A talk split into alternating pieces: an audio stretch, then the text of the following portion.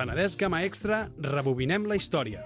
Fem coaching amb xancletes, parlem de salut, sortim d'excursió, busquem la cançó de l'estiu, aprenem anglès i molt més. Fem una pila de coses de dilluns a divendres i de 9 a 12 i avui us descobrim una novetat, una estrena. És el Desenfoca't, que ens acostarà cada 15 dies la Maria Batet, entrenadora d'habilitats creatives i emprenedores. Maria, benvinguda a l'equip. Hola, moltes gràcies. M'encanta aquesta música que has triat per començar, per trobar ja aquell puntet happy, optimista, creatiu. Al final, no? Em sembla que totes i tots el que busquem és això, tenir estones per estar bé, per sentir-nos bé, per sentir-nos happy. doncs d'aquí la música. I la música és molt poderosa, és una eina molt i molt potent, oi? Sí, realment ens connecta eh, moltíssim amb un estat emocional, eh? Sentim aquest, eh, aquesta que acabem d'escoltar, no? I et predisposa a, a somriure, a moure't, a estar bé. I després hi ha músiques doncs, que ens tranquil·litzen o que ens fan estar més tristos o que ens evoquen el record. Depèn. La Maria Batet ens proposa aquest estiu Desenfoca't. I clar, habitualment el que demanem és posa el focus en això o en allò, posem la mirada, ens fixem, ens concentrem i dediquem una atenció i tu gires la volta al mitjó, el poses del revés i dius no, no, jo us proposo que us desenfoqueu. Què vol dir això? Per què? Efectivament, eh?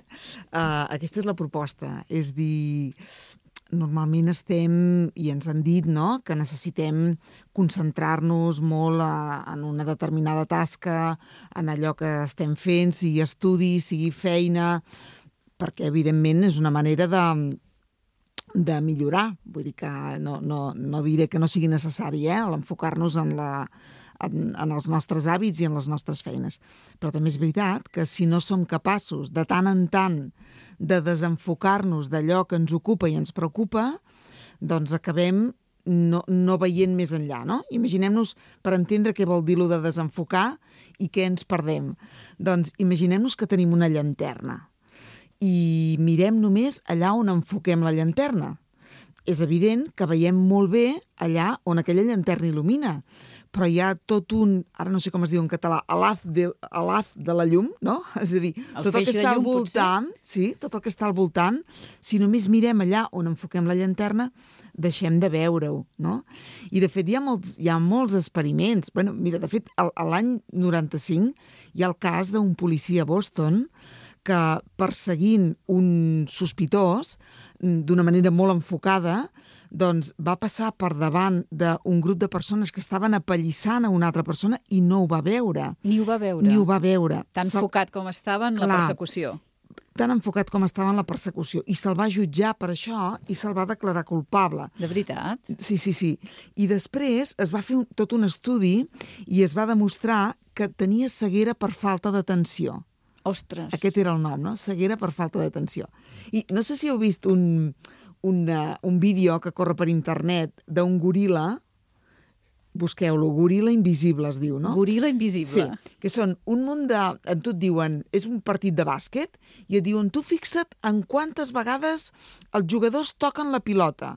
I tu vas comptant un, dos, vas tocant els tocs de pilota, val? i et, fas, et vas centrant en els toques de pilota, i de cop passa un goril·la per allà al mig, i tu no el veus. De debò? De veritat, proveu. De tan enfocats Busqueu- com estem a comptar. Exactament. Busqueu goril·la invisible. I tu vas comptant els toques de la pilota i no veus el goril·la. Que fort.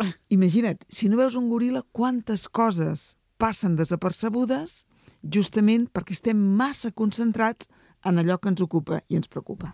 Però aquesta tesi és una mica revolucionària. Ara amb els exemples en veiem la utilitat, però és molt revolucionària perquè sempre ens han dit i ens estan dient el contrari. Centra't, posa el focus, concentra't. Sí, i no hem de deixar de fer-ho, eh? Uh -huh. Però penso que hem de saber desenfocar-nos. Segur que totes i totes hem tingut exemples a casa, no?, de, amb els fills o amb nosaltres mateixos. Mm, quan tens un fill o una filla que és d'aquells tan estudiosos, que es passa hores i hores estudiant mm, i que veus que no acaba de treure prou resultat. Moltes vegades el problema és que ha fet un excés de concentració i que està demostrat que el nostre cervell ha de descansar per tornar a estar després més concentrat i més enfocat, no? I això ens passa amb moltes coses, no? Tenir la sensació de dir, és que, és que ja no hi veig més enllà i necessito aquesta aturada. I aleshores, no sé, em semblava que era un bon moment ara l'estiu per dir com ho podem fer per desenfocar-nos una mica i aprofitar aquestes aturades perquè siguin moments d'aturades més conscients. Ara tornes a anar contracorrent amb aquesta proposta perquè l'estiu és sinònim de desconnexió. Quan li demanes a algú què vols fer aquest estiu, aquestes vacances, és desconnectar de tot. Ja hi tornarem al setembre, ja ho entomarem. I tu ara nedes una mica contracorrent i dius no, l'estiu també pot ser un bon moment per fer aquesta pràctica. Una mica per adobar el terreny, Maria, de cara a aquest setembre que tenim tan mitificat, perquè tot ha de començar de nou, ha de servir per tantes coses. Sí, no es tracta de, de dir, no, no, pararé per fer una llista de tasques de coses que vull fer. No, es tracta de, de poder fer pauses per poder pensar d'una manera més tranquil·la, d'una manera més pausada, d'una manera possiblement menys organitzada, no? Però aprendre a tenir estones de, de consciència, no? de, de, de ser més conscients de, de l'ara, del que estem fent, perquè som els reis i les reines de, de fer coses, de fer, fer, fer, fer, fer. I a vegades ens preparem unes vacances que amb l'objectiu de desconnectar de la feina o del que sigui, doncs les omplim d'activitat no? Sí, sembla que el buit, el no fer res, faci por. Oi? No en sabem gaire. No. I, en canvi, és molt beneficiós per, per, si vols, per poder tornar a ser productius. o senzillament per tranquil·litzar la ment, o per xerrar, o per badar. No? La paraula badar, que és una paraula... És bonica, és eh? És bonica, oi? Però no ho fem. No ho fem. I a més, si goses fer-ho, de seguida tens mala consciència. Estàs badant. Sí, sí. Fixa't una cosa, ara m'estàs ben pensar que durant molts anys hi ha persones que tendeixen a fer gargots quan estaven a classe, quan estàs a classe escoltant o quan estàs fent una activitat que et requereix una concentració mental, hi ha qui té el costum d'agafar un paper i fer dibuixos sense sentit, o fer dibuixos amb sentit. El que se'n diu el garabateo.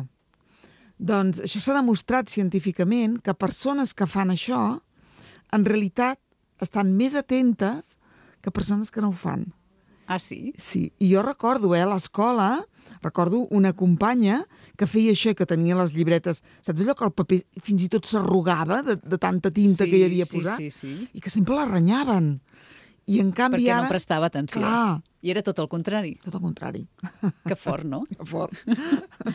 Escolta, i si ens permetem aquest desenfocat, si ens donem aquestes pauses, aquí hi haurà potser la guspira de la creativitat.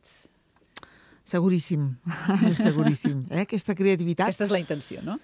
Sí, aquesta creativitat entesa com la capacitat de trobar alternatives a les coses. O sigui, a mi m'agrada explicar la creativitat no com, com l'hem entès moltes vegades, de la cosa artística, de la capacitat d'escriure, sinó... Destinada a uns quants genis, no? Sovint. Això mateix, eh? Això, no, no. Fixeu-vos que cada dia, cadascú de nosaltres, fem anar la creativitat per mil coses des de quan arribes a casa al migdia i dius, avui què faig per dinar? I ràpid improvisa dinar. Eh? Aquí estem sent creatius. Evidentment. I no en som conscients. I no en som conscients. Tu has dit una paraula que és clau per la creativitat, que és la improvisació. No? Com puc fer una cosa sense que ningú m'expliqui exactament com l'he de fer? doncs això, aquesta capacitat d'improvisar solucions, d'improvisar alternatives, això és la creativitat, no? I això eh, millora enormement si som capaços de, primer, de ser-ne conscients i, segona, de tenir temps. De tenir temps. De fet, ara mateix hi ha moltes empreses que fan algun dia al mes de la bata blanca, que vol dir doncs, una estona per pensar, o les setmanes de pausa, que són espais per pensar, només per pensar. T'imagines, Sílvia, que tinguessis... No, em costa I riu. molt. Inimaginable, ara mateix. No? Que Però tinguessis a estaria- la teva jornada molt laboral bé un temps de Aquest dir... espai Només on no estàs obligat a produir. Efectivament. És fantàstic. oi?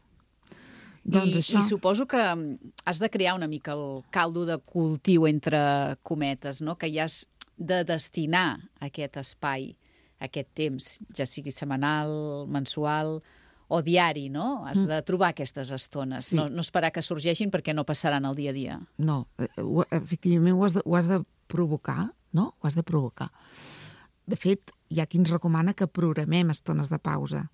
I estones de pausa que pot ser des d'un minut fins a una setmana, o, saps? O sigui, una mica el que vulguis, no? Però ser conscient de la necessitat de la pausa.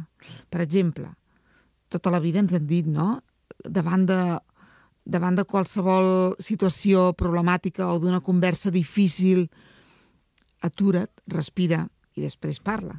No? Sí, un clàssic. Això és una pausa. No? Ah, sí? això, és, això és una pausa. Quan tu respires, tu el que estàs fent és una pausa. No? I per tant, ser conscients d'aquesta necessitat d'aturar-nos, sigui més llarg o més petit, però aturar-nos per pensar, per ser això, per ser conscients del moment d'ara, no? De fet, um, en aquest espai no, que avui comencem i que serà de quatre programes del Desenfoca't, doncs jo em baso en... O sigui, no m'ho invento jo, això que us explicaré, sinó que em baso en estudis que s'estan fent sobre com funciona el nostre cervell. Perquè fixeu-vos que al llarg de la història hem après molt sobre com funciona el nostre cos humà, les diferents parts del cos humà. Però el que ens ha costat més és saber com funciona el cervell. I per sort, la neurociència en aquests últims anys està evolucionant moltíssim i en base a, a poder fer escàners, a poder veure com reacciona el cervell, estem aprenent moltíssim i estem veient els beneficis d'aturar-nos. I aleshores, jo el que us explicaré doncs es basa en moltes coses, però sobretot en dos llibres. Un que es diu Pausa, Tal qual, eh? Pausa. Pausa, de Robert Poynton, que és molt recomanable i que ens explica els beneficis d'aturar-nos. I l'altre és El poder de la ment desenfocada, del doctor Srini Pillai, que és un psiquiatre, que ens explica doncs, això, com el fet de jugar, d'alternar tasques, de, de pintar, de, això, de desenfocar-nos de la concentració del dia a dia, ens ajuda a tenir una vida més bona, més feliç, més creativa. Aquests dos llibres, Maria, són per tots els públics, es llegeixen bé, no cal ser especialista o professional. Són tots dos llibres de divulgació, però un és més amè que l'altre. El de pausa, jo el recomano de tauleta de nit. Sí? sí, sí. De, ver- a més a més és bonic, saps? És un llibre petitonet, bonic. Um, jo el recomano moltíssim. I el poder de la ment desenfocada també el recomano, però amb aquest t'hi has de posar una mica més. Eh? Però es llegeix molt bé, també, eh? Podem començar per pausa i Ah, si ens ha mateix. agradat anem al poder de la ment desenfocada. Sí, sí, sí, sí. Clar, tu estàs explicant que, que hi ha llibres, que hi ha literatura, que hi ha investigació científica que valen aquestes tesis, però no és molt conegut encara, no, no. és popular aquest coneixement.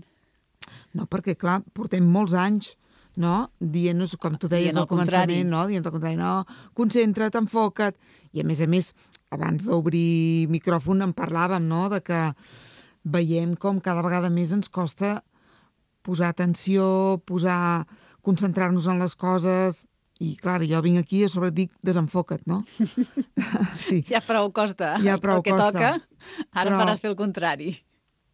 Però fixem-nos per què ens costa moltes vegades concentrar-nos també. Doncs perquè hi ha un munt de coses que ens roben l'atenció. I entre aquestes coses, el mòbil, Pantalletes, les pantalles, tecnologia. no? I quan jo dic desenfoca't, també diem desenfoca't de les pantalles. Apaguem el mòbil. Apaguem el mòbil, apaguem el mòbil, no? Ens roba moltíssimes hores. I, i és que ho fem d'una manera...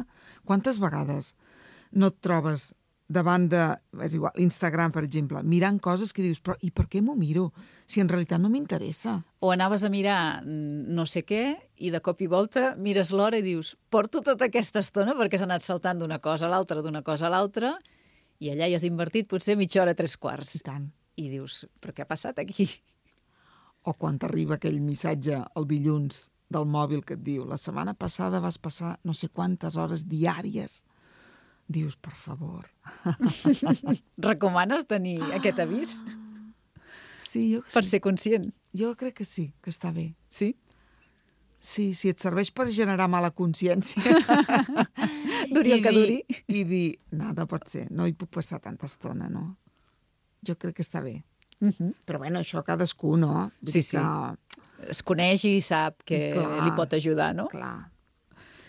Però en general sabem que ens beneficia aquesta idea de desenfocar-nos amb cosetes que anirem veient durant aquests, aquests dies que estarem junts, no? Doncs um, algunes coses que ens poden ajudar a desenfocar-nos. Ens donaràs tips, pistes, hàbits per aconseguir aquesta parada, aquesta pausa, Sí, aquest desenfocament. sí. I, i atenció, no cal seguir-los tots, eh? Això vol dir que hi ha molts recursos, no?, hi ha a moltíssimes coses, i moltes que segur que fem i que no sabem que ens serveixen per això. Que veiem que se'ns posen bé, però que potser no saps que darrere hi ha tot, tot d'estudis que ens diuen que és que això està demostrat científicament que ens ajuda. Per exemple, caminar. Caminar, comencem per aquí, Comencem caminar. Per aquí? Caminar. Hi ha molta gent que surt a caminar. Clar, Ara encara molta més que abans. Clar, hi ha, hi ha molta gent que ha descobert no, el benefici del caminar arrel d'aquest any del confinament. I caminar és una manera de desenfocar-nos. I a més a més sabem que caminar per espais on te pots veure l'horitzó encara ens ajuda, encara ens aporta més benestar. L'horitzó, sigui l'horitzó del mar, sigui l'horitzó de la muntanya, aquí tenim l'horitzó de la vinya, Sí. que és una meravella. Doncs totes aquestes vistes que ens, que ens permeten veure horitzó són molt més beneficiosos encara pel nostre cervell, perquè ens permet ampliar la mirada que caminar, per exemple, per la Rambla, que no dic que no estigui bé, eh? però caminar per la Rambla o per la parellada... És un caminar més estem- social, no? Oi que sí, sí, i que té beneficis també, eh, el caminar I social. tant, i tant. Però el caminar que ens permet veure horitzó ens amplia la mirada, relaxa la nostra ment i eh, fa que ens desenfoquem de, més dels problemes del dia a dia. I, per tant, ens fa aixecar la mirada. Per tant, quan caminem, aixequem la mirada, eh? Busquem aquest horitzó, no, Sí. no mirant al terra o molt Sí. pendent si portes auriculars de la música, sinó mirem endavant. Mirem endavant. Siguem conscients del que Sí. hi ha al voltant, no? De fet, els molts clàssics feien servir el caminar per pensar millor. Diuen que Aristòtil feia les seves caminades per tenir un millor pensament. I amb alumnes al costat, alumnes és al veritat, és costat. veritat. eh? perquè també hi ha una explicació fisiològica, que és que per pensar millor, el nostre cervell què necessita? Dues coses. Necessita oxigen i sucre. bueno, el sucre el pots posar, no sé, de la manera que vulguis, però l'oxigen, si tu camines, estàs oxigenant més el teu cos i, per tant, està arribant més oxigen al teu cervell i, per tant, penses millor. No? I, per tant, té aquesta explicació també, que és molt, que és molt física, no? Total. O sigui que sabem que si caminem pensem millor. O sigui que, Sílvia, un dia podríem fer el programa caminant. Xinutxano, no? Sí? Entre Sí, sí, vinyes, sí, entre vinyes, buscant aquest horitzó. Eh? Estaria molt bé. I, per tant, Maria, si un dia estem molt encaparrats amb alguna qüestió, saturats, com tu dius, perquè no veig ja més enllà, no trobo la solució, la idea que necessito, ho deixem tot i sortim a caminar? És un bon Sens exercici? Dubte. Sí, Sílvia, segur. O sigui, deixa-ho tot i surt a caminar. Quan tornis, jo no dic que s'hagi solucionat el problema, però que tu hauràs ampliat la mirada. Perquè el que ens passa moltes vegades quan estem encallades amb algun tema és que fem forat i el forat el fem cap avall normalment, no? I vas donant toms i toms i toms i toms i, allò, i els problemes es fan més grans. Si tens la possibilitat de sortir i ampliar la mirada, no mires cap endins, mires cap en fora. I de cop la realitat és la mateixa, però la teva mirada cap a la realitat és una altra. Ara et preguntaré si és mite o, o és veritat, hi ha estudis científics que ho avalin. I anar a dormir, perquè moltes vegades eh, dius, ho deixo estar, ho consulto amb el coixí i demà serà un altre dia. També funciona? I tant, Igual. igual funciona. O sigui, és una altra manera de, de tranquil·litzar la nostra ment. Ara aquí no, no faré tot el rotllo de les zones que, amb les que funciona el nostre cervell, però el nostre cervell funciona en diferents zones.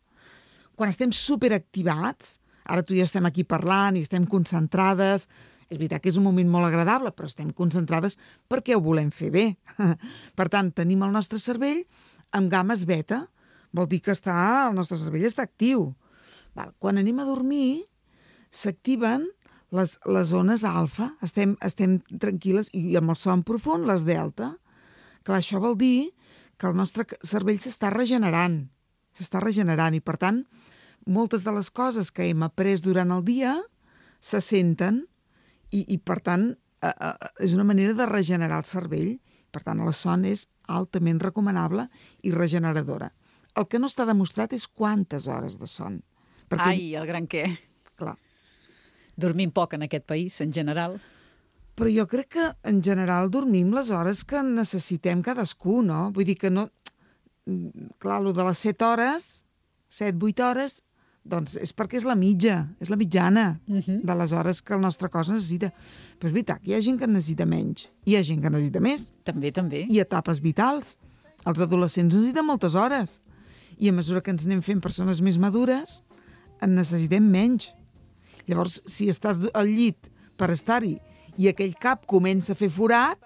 Malament rai. Potser és millor anar a caminar. I desenfocar. Exacte. Doncs ens quedem amb aquest tip, amb aquest parell de tips. Sortir a caminar, vista fixada en aquest horitzó de vinyes, si sortiu a caminar pel Penedès, i si no, mar, muntanya, i aquest descans, no? aquest anar a dormir, deixar que el cervell es regeneri, reposi, i l'endemà serà un nou dia que diu la saviesa popular, perquè hi ha molta ciència darrere, però la saviesa popular tampoc tant, va tan desencaminada, i no? I tant, i tant. Ho estem reprenent, però ja ho deien. Així seran aquestes trobades quinzenals al llarg d'aquest estiu amb la Maria Batet, el Desenfoca't. Moltes gràcies i fins aquí 15 dies. Gràcies a vosaltres i ens retrobem. Penedès, gamma extra.